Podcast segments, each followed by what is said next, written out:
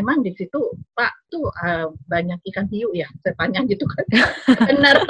Aduh pasti deh ya benar itu tempat itu Nona tahu nggak Nona itu disayangi sama kita, disayangi sama Tuhan juga. Nona yeah. bisa selamat katanya.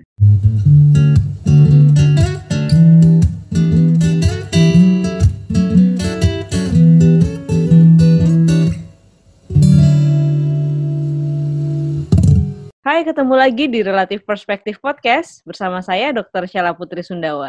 Sudah 75 tahun Indonesia merdeka dan berbagai pencapaian dan kemajuan di segala bidang telah kita capai, termasuk di bidang kesehatan. Tentunya ini semua berkat jasa-jasa perjuangan para pahlawan kita. Nah, di bidang kesehatan di Indonesia tentunya ada salah seorang guru saya yang selama ini telah mengabdikan seluruh hidupnya untuk kemajuan generasi muda Indonesia. Hari ini saya bersama dengan Prof. Damayanti Rusli Srarif, dokter spesialis anak, konsultan nutrisi metabolik yang saat ini berpraktek di Rumah Sakit Cipto Mangunkusumo yang selama hidupnya sudah membaktikan diri untuk kesehatan seluruh anak Indonesia. Sungguh suatu kehormatan hari ini Prof bisa bersama Prof untuk berbincang-bincang ringan tentang bagaimana sih kita sebagai seorang generasi muda agar kita bisa turut mengabdi dan mengamalkan perjuangan bangsa Indonesia ini untuk seterusnya Prof. Selamat siang Sila. Salam ya, merdeka ya. Ya, terima kasih hmm. Prof. Salam merdeka 75 juga. 75 tahun loh kita udah merdeka. Iya betul Prof. 75 tahun itu udah Panjang sekali ya Prof ya uh, kalau untuk ya, perjalanan. Sudah apa ya namanya? Kalau yang 50 tahun emas. Kita emasnya tuh nanti 100 tahun soalnya kan. Iya. Nah, itu adalah 100 tahun Indonesia nanti berarti di tahun 2045 ya. Betul, Prof. Dan tugas kita sekarang, kita kan dokter anak nih. Kita menyiapkan generasi emas tadi ya supaya nanti kita bisa mendapatkan pemimpin-pemimpin dari bangsa kita sendiri. Insya Allah memimpin negara kita sendiri, kalau bisa juga memimpin dunia. Nah ini tugas kita ya sebagai dokter anak berat ya untuk menyiapkan mereka di tengah dengan kondisi yang masih tidak menguntungkan buat anak-anak Indonesia. Iya, Prof. Saya pengen belajar banyak nih dari Prof karena uh, saya lihat Prof kan memang sudah hampir seluruh sepanjang hidupnya tuh mengabdikan diri sebagai berprofesi sebagai dokter, kemudian menjadi dokter anak. Sudah berapa lama sih Prof sebenarnya untuk menjadi dokter sendiri, Prof? Saya lulus tahun 84. Sebenarnya tahun 83 kita kan dulu di Fakultas Kedokteran kan ada yang uh, apa namanya kebetulan bisa pendek ya waktunya ya bisa yeah. aturan uh, apa namanya aturan uh, kita masuk ke bagian-bagiannya nah saya termasuk yang tahun 83 itu udah selesai tapi okay. kita mesti nunggu teman-teman kita semua dan dilantiknya pas itu ya pas Dies Natalis ya uh, bulan Februari jadi saya lulus tahun 84 jadi sekarang sudah 36 tahun ya jadi Wah, dokter. luar biasa, Prof. Jadi 36 tahun sudah menjadi dokter. Dan Prof masih ingat gak sih, Prof, dulu yang pertama kali yang menginspirasi pengen jadi dokter gitu, 36 tahun lalu atau mungkin 40 tahun lalu sebelum memutuskan sekolah di bidang kedokteran, Prof? Ya. Jadi bukan 40 tahun ya, Sila. Kalau umur saya sendiri sekarang udah 60 tahun, berarti saya terinspirasi itu waktu saya umur lima tahun mungkin ya Oh. Karena seorang dokter keluarga, jadi kita punya dokter keluarga dulu, namanya dokter Hadin, ya. Beliau sudah tua, ya. Dan waktu ibu saya sakit, itu kan beliau nggak bisa jalan berbaring di rumah. Nah, yeah. beliau datang, beliau yang datang menengok ibu saya, memeriksa dan kemudian mengobati. Sehingga waktu itu ada nenek saya, ada tante saya, semua orang semua memuji beliau. Jadi saya waktu itu ngelihat, aduh, hebat sekali ya. Maksudnya semua orang kayaknya mendoakan beliau gitu kan supaya sehat dan uh, sejahtera terus ya bisa menolong orang-orang kan. Jadi yeah. saya iya. kepengen jadi dokter seperti dia gitu kan. Senang loh didoain sama orang gitu kan. Iya. Yeah. Jadi itulah cita-cita saya kenapa saya kepengen jadi dokter. Dulu kalau kan waktu kita masih SD kan ada tulisan tuh suka suka apa tuker-tukeran kayak buku kecil terus kita isi apa kata-kata buat teman-teman ya. Yeah. Karena saya istilahnya namanya buku moto dulu kan. uh. untuk hidup gitu kan. Nah kalau ditanya cita-cita gitu, saya seri, saya cita-citanya apa? Cita-cita saya dari SD adalah menjadi dokter, tambah lagi dokter yang sosial. Ah. Lucu ya saya kalau ingat sekarang lagi apaan sih? Jadi menjadi dokter yang sosial. Jadi itu nanti sama teman saya ditambah-tambahin belakangnya gitu kan. Uh -uh. Kita semuanya waktu itu waktu SD kan semua kepengen jadi dokter ya. Kalau nggak yeah. jadi dokter senior. Mm-hmm. Nah, begitu kita masuk SMP, mulai sebagian sudah bergeser. Ada sudah mulai buka wawasan mungkin, ada yang mau jadi ini, jadi itu. Tapi saya kekeh tetap menjadi dokter, gitu kan? Sampai SMA, saya juga tetap mau jadi dokter. Tapi terus dokternya udah mulai pindah nih, kepengen jadi dokter anak. Ah, Kenapa okay. saya melihat? Karena saya kan kecil. Jadi yeah. saya iya. pikir kalau saya jadi dokter orang dewasa, kayaknya susah ya. Mendingan saya dokter anak aja deh, yang kecil gitu kan dan saya juga suka gitu ngelihat uh, apa namanya kalau dengan dokter anak kan pikiran saya kan pasti kita main-main aja gitu kan iya nah, tuh jadi cita-citanya jadi berubah menjadi dokter anak sementara begitu untuk SMA teman-teman saya pindah sebagian besar hijrah semua mau ke ITB ya yeah. nah sementara saya masih kekeh aja masih mau jadi dokter akhirnya waktu saya masuk ke dokteran terima di FKU saya bingung ya kalau saya nggak jadi dokter saya mau jadi apa ya? Akhirnya waktu saya tak kalau nggak diterima di FKUI saya mau diterima. Akhirnya saya ikut waktu itu si penmaru kan hanya lima terusnya sekalu dulu ya. Terus udah itu kita saya daftar juga di Unpad waktu itu jadi dokteran. Yeah. nah ternyata dua-duanya diterima dan saya ngambil di UI tentu saja yang dekat rumah ya yang di dengan, dengan rumah saya. Yeah. jadi itu nah dari situlah waktu kita ditanya juga tuh waktu mapram kok perasaan semua teman-teman saya kalau ditanya saya saya sebenarnya nggak kepengen jadi dokter dipaksa. Terus kalau saya nggak dipaksa emang saya nggak pengen jadi dokter. Jadi jadi memang dari kecil emang kepengen jadi dokter. Dan dulu tuh cita-citanya karena apa? Karena kita melihat kok didoain emang orang ya? Gitu kan? Iya. Yeah. tenang gitu kan rasanya gitu kan itu yang sebenarnya mendasari kenapa saya menjadi dokter. Tentu semakin sekarang semakin ini jadi saya juga semakin tertarik dengan uh, ilmu anak ya. Yeah. karena ilmu masa depan menurut saya. Ya saya suka melihat ke depan visi visi yang ke depan. Jadi saya pikir kalau saya menyiapkan anak dengan sebaik-baiknya maka kita akan menyiapkan generasi Indonesia itu adalah bentuk pengabdian saya buat Indonesia. Menyiapkan generasi Indonesia yang masa depan ya, Prof ya. Ya, betul. Termasuk kalian kan? Ya. Iya, Prof. masa depan ya. Betul, Prof.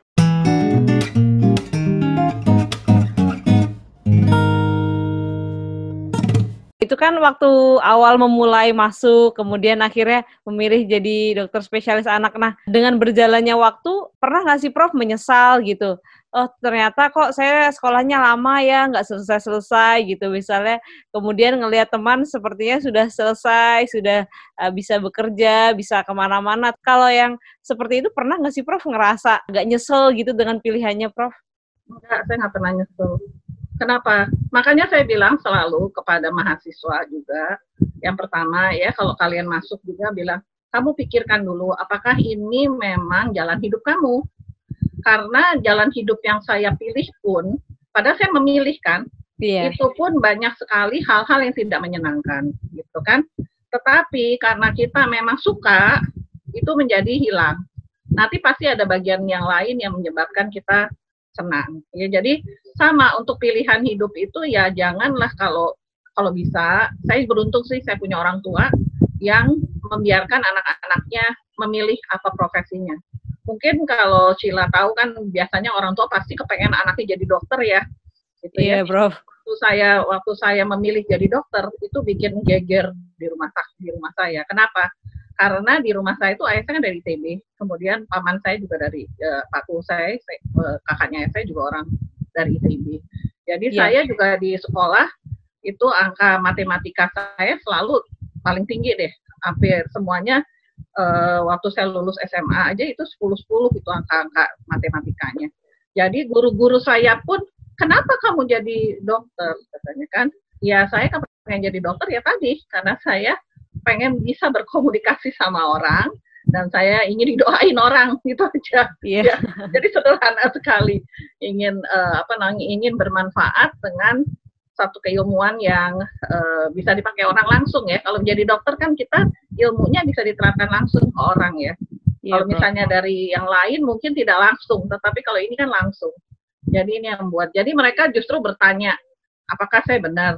Dulu ada satu salah satu kakek saya ya, uh, saudara sepupunya oma saya bilang, telepon dia dokter, terus dia bilang, kamu serius nih? Yanti kalau nanti ditelepon orang malam-malam, kamu harus angkat telepon ya? Iya, nggak marah-marah ya, enggak. Akhirnya mereka bilang ya udah anaknya udah udah ini kok kayaknya udah memang mantep mau jadi ke sana. Ya semuanya akhirnya oke okay, nerima. Jadi artinya saya cuma sendiri yang jadi dokter adik saya satu arsitek yang satu lagi di ekonomi yang satu lagi di desain. Jadi artinya beda-beda tapi oke okay ya iya, jadi malah kaya ya kalau kita berbeda-beda itu kita dapat belajar ilmu dari macam-macam orang iya prof bineka tunggal ika ya prof Ya, ilmunya juga bineka tunggal ika. Kita juga keluarga bineka tunggal ika. Karena ayah saya orang Sumatera Barat, ibu saya dari Jawa, Jawa Tengah dan Jawa Timur. Ya, kemudian kami tinggal di Bandung, jadi kita belajar bahasa Sunda. Jadi saya lebih fasih bahasa Sunda daripada bahasa Jawa dan bahasa Minang. Ya, kemudian saya bertugas di NTT, saya harus belajar tiga bahasa kalau kita mau dekat sama masyarakat di situ. Kemudian saya sekolah lagi ke Belanda, saya harus bicara pakai bahasa Belanda that's it. Jadi kita ke mana kita pergi, kalau orang Minang kan bilangnya ke mana langit, eh, ke mana kamu pindah itu langit yang ditunjuk. Di tempat itulah kamu harus menyesuaikan diri. Ya itu iya, yang itu yang itulah kehebatan Indonesia ya dengan macam-macam budayanya. Ya. Iya, Prof. Jadi selama uh, Prof menjalani profesi sebagai dokter 36 tahun ini, Prof, Uh, mungkin ada pengalaman uh, selama pengabdian ini yang tidak terlupakan, Prof. Waktu baru lulus, waktu di puskesmas, atau mungkin dari uh, baru saat dari spesialis anak, Prof.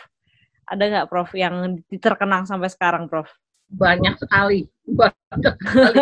Jadi setiap tahapan itu kita punya punya sesuatu hal yang membuat kita menjadi kuat ya. Iya. Jadi kan Anda tahu waktu kita uh, begitu kita lulus, kemudian kita mendaftar ke Depkes. Waktu itu zaman kita kan masih harus uh, impres ya. Yeah. Ada pilihan impres non impres. Jadi kita nggak tahu deh mau impres mau non impres, pokoknya kita memilih. Jadi saya waktu itu memilih tempat yang tidak ada fakultas kedokterannya, di mana menurut saya masyarakatnya pasti perlu kita kan. Nah waktu Betul, itu bro. pilihannya saya mau pengen ke Irian tuh. Oh, nah, jauh sekali. Jadi, uh, uh, saya pengennya ke Irian waktu itu. Jadi ada beberapa teman saya, ada dokter Sukwan dulu ya, Sukwan itu sekarang di CDC dia, ya. Uh, terusnya kita terus waktu itu uh, uh, yang panik adalah orang-orang sekitar sekitar kita ya. Yeah. Jadi waktu itu salah satu dari guru, ibu saya kan guru ya. Nah salah satu guru di tempatnya ibu saya itu suaminya kebetulan bertugas di Irian, jadi jadi dandim. Terus dia bilang dia Papua telepon, ya, Prof?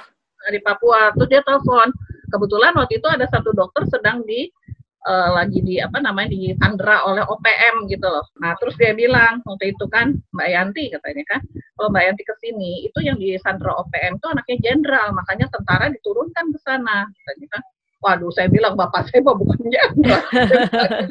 kalau saya di Sandra gimana? Terus ibu, tapi saya masih mikir-mikir juga ya. Terus ibu saya bilang gini deh, kamu kalau Lebaran mau pulang nggak? katanya? Iya, mau pulang dong saya bilang kalau lebaran. Iya.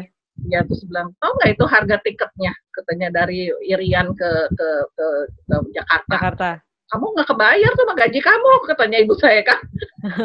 Aduh saya bilang gitu. Nah itu udah baru mikir. Akhirnya saya pikir di mana lagi ya? Nanti ibu saya nggak saya ibu saya tuh takut kalau saya ke Kalimantan karena banyak sungai-sungai gitu kan yeah. jadi akhirnya saya memilih di Nusa Tenggara Timur Nusa Tenggara Timur kan pulau-pulau kan deket-deket mah itu pulau kecil-kecil bisa loncat-loncat. Iya. kayak gitu. Akhirnya saya di sana. Nah waktu saya di NTT itu saya kan e, seperti waktu saya datang situ kan umur kita kan masih 23 24 tahun ya. Yeah. Jadi penampilan kita juga masih kayak anak-anak. Jadi waktu datang ke sana orang nggak ada yang percaya kita kita pergi ke situ. Nah di sana itu saya dapat G1 puskesmas yang yeah. di daerah yang tersulit di NTT karena desanya tuh banyak. Jadi ada 21 pulau semau, 9 desa dengan 21 desa di daratan. Yeah. Namanya Kupang Barat, tapi bukan kayak Jakarta Barat, karena Kupang Barat itu adalah kerajaan, bekas kerajaan gitu. Oh, oke. Okay. Nah, jadi dia itu di luar kota, di luar Kupang ya. Nah, waktu itu saya ditempatkan di situ dan sebelumnya ada dokter-dokter tapi tidak tinggal di puskesmas. Nah, saya waktu itu rumah puskesmas baru dibangun dan nggak ada orang tinggal di situ. Jadi saya bilang saya mau tinggal di sana, sebenarnya kan. Iya. Yeah. Nah, waktu saya pertama kali datang ke situ, saya kan masih bolak-balik ya karena rumahnya belum jadi. Jadi saya bolak-balik naik kendaraan umum, naik truk, naik apa ke puskesmas tiap hari. Dan saya indekos di mana? Saya indekos di kota kan. Saya yeah. Nah, pada satu saat kita mendapat surat kaleng. Bayangkan ya, Anda baru datang, kita uh -huh. dengan semangat yang besar, terus tiba-tiba kita dapat surat kaleng. Di dalam surat kaleng itu dikatakan bahwa uh, apa petugas saya bukan saya yang kena yeah. tapi petugas saya itu dia ber, uh, apa namanya sudah janji sama masyarakat di satu desa untuk imunisasi ternyata dia tidak datang lah saya kan bingung ya kenapa kok saya yeah. tanya petugas saya kenapa dokter itu enggak kita itu sudah datang tetapinya dianya justru yang tidak mengumpulkan masyarakat. Udah itu dibalik gitu kan? Oh, oke okay. tapi kan sekarang kita cuma bicara antara dia dan saya ya. Antara yeah, dia dan petugas saya kan kita nggak tahu. Jadi ya sudah nggak apa-apa kita bilang aja saya nulis surat saya minta maaf kalau kejadian itu. Jadi silakan bapak saja yang menentukan jadwalnya. Nanti kami ngikut gitu kan? Iya yeah, nah, jadi waktu kita dia menentukan jadwal itu kan acaranya itu jam 8 saya sudah jam 7 di sana duduk di puskesmas pembantu. Nah terusnya saya bilang uh, kita lihat nanti kita duduk di situ dok. Itu kantor desanya belum buka. Nggak apa-apa saya duduk sini aja saya bilang gitu. Sambil meriksa pasien segala rupa. Kan ada pustu ya di sana. Iya. terusnya udah gitu yuk kita dok. Itu kan sebenarnya dia bohong dok. Nggak apa-apa nanti kita lihat aja. Betul jam 8 saya 8 kurang seperempat saya jalan ke kantor desa. Tidak ada satu orang tuh ngerti nggak. Wah bohong kan gimana prof ketahuan habis kan Terus iya. saya bilang, Bapak, katanya kan Bapaknya bikin janji, ada tuliskan tertulis semuanya kan. Bapak iya. yang janji, Bapak yang seperti ini, kenapa yang kenapa sekarang kok ternyata tidak mungkin? Aduh dokter itu punya desanya. Jadi kan yang sebelum itu saya juga nggak bisa percaya kan.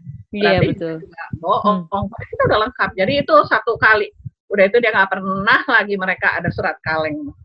Anda kebayang nggak? Anda baru lulus, iya, bro terus tiba-tiba ada di ini seperti itu. Saya tuh nggak tahu. Setelah itu datanglah uh, apa namanya bekas bekas camat lama yang kebetulan istrinya guru dan semua tuh mereka sangat hormat kepada kita anak kecil ini. Terus dia bilang dokter kami suka sama dokter. Ya. dokter berani ngelawan kepala desa. Itu mereka dia tuh pembohong dan sebagainya. Walau udah cerita saya nggak dengerin mereka karena saya juga nggak nggak terlalu tahu ya sebenarnya latar belakang yeah. orang ya. Jadi yeah. saya cuma dengerin aja terus bilang kalau gitu ibu bisa bantu. Oh saya dengan senang hati saya akan bantu dokter. Akhirnya mereka yeah. jadi kader-kader saya. Ah. Nah itulah ada pengalaman yang sangat berkesan.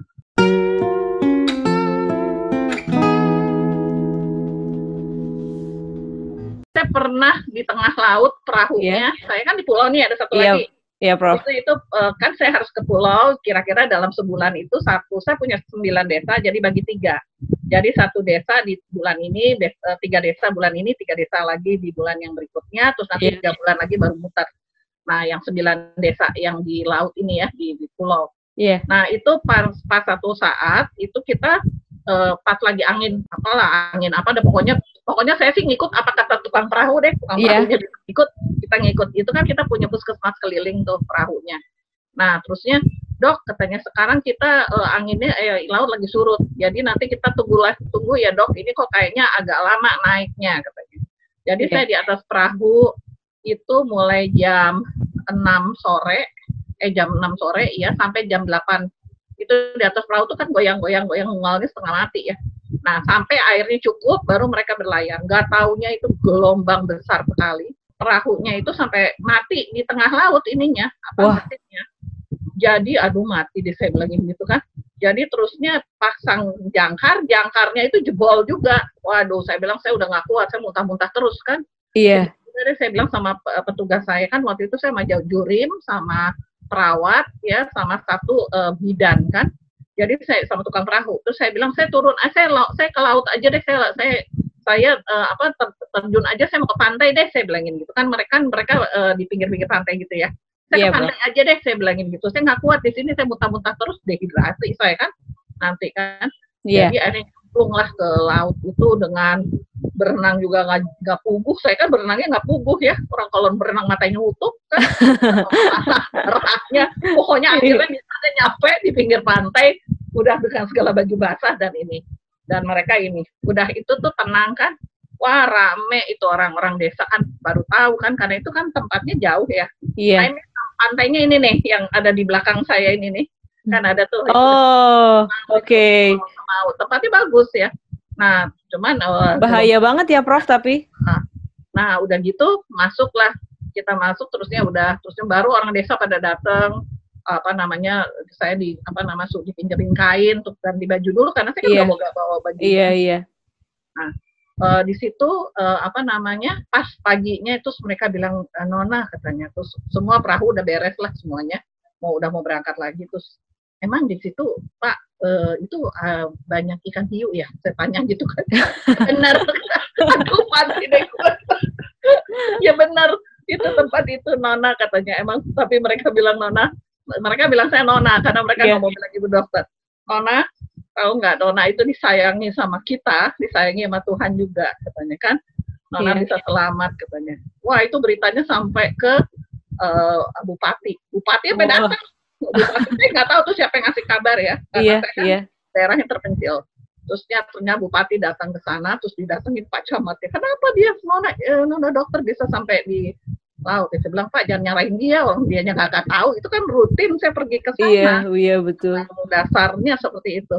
Tapi anda bisa lihat ya di situ saya belajar apa? Karena kita melayani mereka yeah. dan mereka juga sayang sama kita gitu kan? Ah, iya, jadi orang-orang di situ saya nggak tahu dan itu mereka bilang kalau dengan karena Nona tuh cuma mau nolongin kita, itu katanya keli kelihatannya mereka mereka tuh orangnya pulau pulau itu terkenal dengan orang-orang seperti orang Banten gitu loh yang punya kekuatan magic gitu kan. Oh, okay. Orang tuh jadi takut ke tempat itu. Iya, iya. Nah saya malah tidur sama mereka, bangun membangun perampungan air dan sebagainya iya. apa kebutuhan mereka saya bikin gitu kan. Nah, itu ternyata mereka juga bisa membaca ya. Kalau kita memang niatnya nolong, itu kan orang itu sederhana ya. Iya, yeah, Bro. Seperti kita aja deh, kalau saya bicara sama Anda, kalau kamu sendiri tidak ada hambatan, itu kan kayaknya lancar aja ya bicara yeah, ya. Udah ya semuanya ya. Itu yang kita rasakan. Saya belajar banyak di situ juga ya. Selain kita juga membantu mereka, jadi puskesmas saya itu puskesmas teladan TNTT. Wah. Wow. Saya tidak tidak ada di sana, sesudah saya pulang pun dia masih tetap teladan tetap. karena sistem yang berlangsung yang sistem saya bikin itu tetap dijalankan oleh mereka. Oh hebat. Nah, itu Prof. satu kesenangan yang luar biasa buat saya ya. Iya Prof, luar biasa. Kalau misalnya kita dikirim ke daerah mana pun, asal niat ya. kita baik, kita tidak perlu takut ya Prof. Iya betul. Satu ya, uh, apa namanya, saya pikirkan gini, uh, Stella. Waktu saya berangkat, saya kan bisa milih di rumah sakit, yeah. saya bisa milih di uh, puskesmas. Iya. Yeah. Tapi saya kan memang kepengen jadi dokter spesialis kan yang nanti kerjanya di rumah sakit. Iya. Yeah. Jadi saya mesti punya pengalaman di lapangan dong, gitu kan. Betul, Bro. Jadi itu waktu mau pergi lucu banget. Kita pakai persediaan kayak orang mau ditaruh di hutan belantara mana gitu kan. Sampai ke teman-teman saya itu ada yang bawa paku, bawa jatah laut apaan lah gak tahu deh. Kalau saya bilang enggak lah, gue mah nanti beli sabun mah nanti di ibu kota provinsi aja. Saya iya. gitu kan. Nah jadi semangatnya kita kita nih mungkin kita karena kita anak-anak dari UI kita itu diajarkan dengan uh, apa namanya dengan harus berpikir sendiri, semua semuanya sendiri gitu kan. Jadi itu yang membuat kita memang berani ditempatkan di mana-mana gitu kan. Saya iya, melihat yang tempat-tempat yang seperti itu kebanyakan memang anak-anak dari UI waktu saya di situ ya. Iya, Jadi sekarang sudah berbeda situasinya. Ya baik, Prof.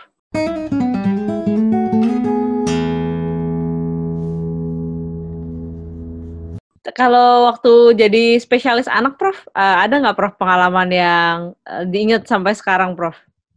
Waktu jadi spesialis anak itu kan saya begitu satu waktu saya masuk residen nih pertama kali uh, itu kan saya residen baru tingkat satu ya jaga yeah. kan iya, jaganya yeah, di uh, bangsal infeksi waktu itu.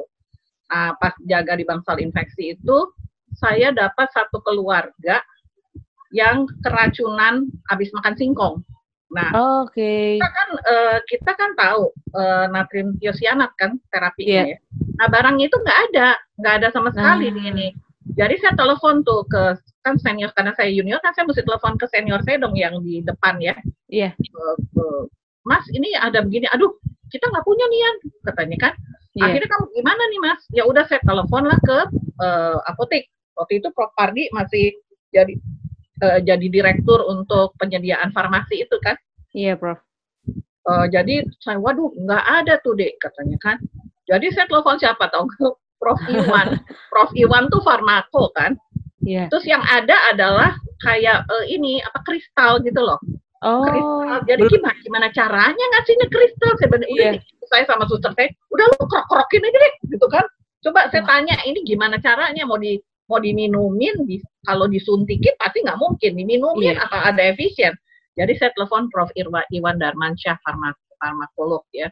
Iya. Malam-malam saya telepon itu waktu itu. Aduh saya udah tahu deh. Tadi marahin marahin deh terserah deh. Daripada ini anak udah pada pada pada sekarat semua tuh pasien-pasien kan Iya, iya. saya bilang satu keluarga, aduh gimana nih. Akhirnya eh, sambil saya mencoba ngontak Prof Iwan, terus kebetulan kan yang nganter kan orang sekampung. Iya. Jadi saya bilang, saya resepin tuh, tolong ya Bapak cari di semua rumah sakit ya. Saya bilang ini, pokoknya disebarkan, nah Pak RT-nya terus ngaturlah mereka pergi. Nah sambil saya telepon ke Prof Iwan, terus Prof Iwan bilang, ya udah, kalau nggak ada ya bolehlah kamu coba aja, katanya nggak tahu nih efisien apa enggak, silakan Iya. coba aja. Kalau daripada nggak ada kerjaan, nggak ada yang dilakukan kan. Eh pas gitu datanglah satu si ketua RT-nya tadi dia bawa dapet dari Karolus Ah. Tirsiana. Aduh, tahu nggak? Itu udah kita baca dulu kan instruksi gimana makainya kan. Iya, iya. Tuh langsung disuntikin ke anaknya. Tahu nggak? Itu anaknya bangun langsung. Itu baru masih Wah.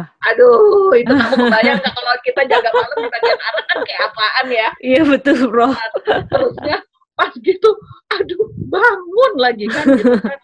Saya udah nggak tahu lagi. Waktu itu saya nelfon ke Prof Iskandar kan karena saya saya takut besoknya nanti Prof Iskandar ditelepon sama Prof Iwan, saya tengah telepon beliau tengah malam kan. Iya, iya, Prof. Jadi saya telepon eh, Prof Is, terus saya bilang, eh, saya nggak berani Prof Is, jadi saya teleponnya ke Prof, Prof Muslihan almarhum. Kan Prof Muslihan dulu saya bantu penelitian beliau. Iya. Prof, saya bilang, udah nggak apa-apa nanti kamu bicara sama Prof Is aja. Eh nggak tahu Prof Is pagi-pagi saya dipanggil. Sebelum itu dipanggil, terusnya gimana anaknya? Kata, bagus Prof. Saya bilang kan semangat lah ya. Udah Iya. apa-apa Prof, obatnya tuh saya disuntikin gini-gini. Wah, jadi bagus nih anak. Iya Prof, udah bagus. Langsung Prof Sumarmo itu eh, ibu bapaknya Prof Rini, terusnya langsung, wah kalau gitu kita mesti nyiapin nih. Terus katanya mereka langsung eh, apa namanya terus koordinasi deh mestinya. Nah, Iya. waktu di laporan jaga, waktu itu kan laporan jaga itu selalu lengkap ya, eh, staff itu ya, zaman dulu. Prof Is langsung bicara, ini tadi ada kejadian malam dengan gini, tapi terima kasih ke saya katanya karena saya gigih memperjuangkan pasiennya sampai ini. Aduh, Ah. itu ya. Bukan itu saja, tapi saya melihat muka anak itu ceria, keluarganya kemarin ceria itu, itu Iya. udah. Anda tahu ya, tidak ada yang bisa menggantikan uang seberapapun menggantikan kebahagiaan yang kita kasih ke orang itu, ya. Jadi Iya, itulah yang membuat saya, ya saya senang waktu itu ya. Meskipun ya, Anda tahu kan banyak juga orang yang nggak suka kan. Oh, apaan sih sok tahu lah. Oh, Iya, apa Prof. kan banyak lah itu rutin lah ya begitu kata ibu Iya. saya soalnya 50% orang suka kita 50% juga orang nggak suka kita ya sudah Iya. terima saja Nabi, Nabi Muhammad aja digituin apalagi kita Betul, yang manusia ya Iya. Jadi eh, jika itu sesuatu yang baik tetap kita kerjakan ya, Prof. ya benar itu saja yakinkan diri bahwa itu benar baik gitu kan kalau Iya, orang Prof. itu kan jangan-jangan kita yang salah gitu kan Iya. nah kita cek lagi Baik, Prof.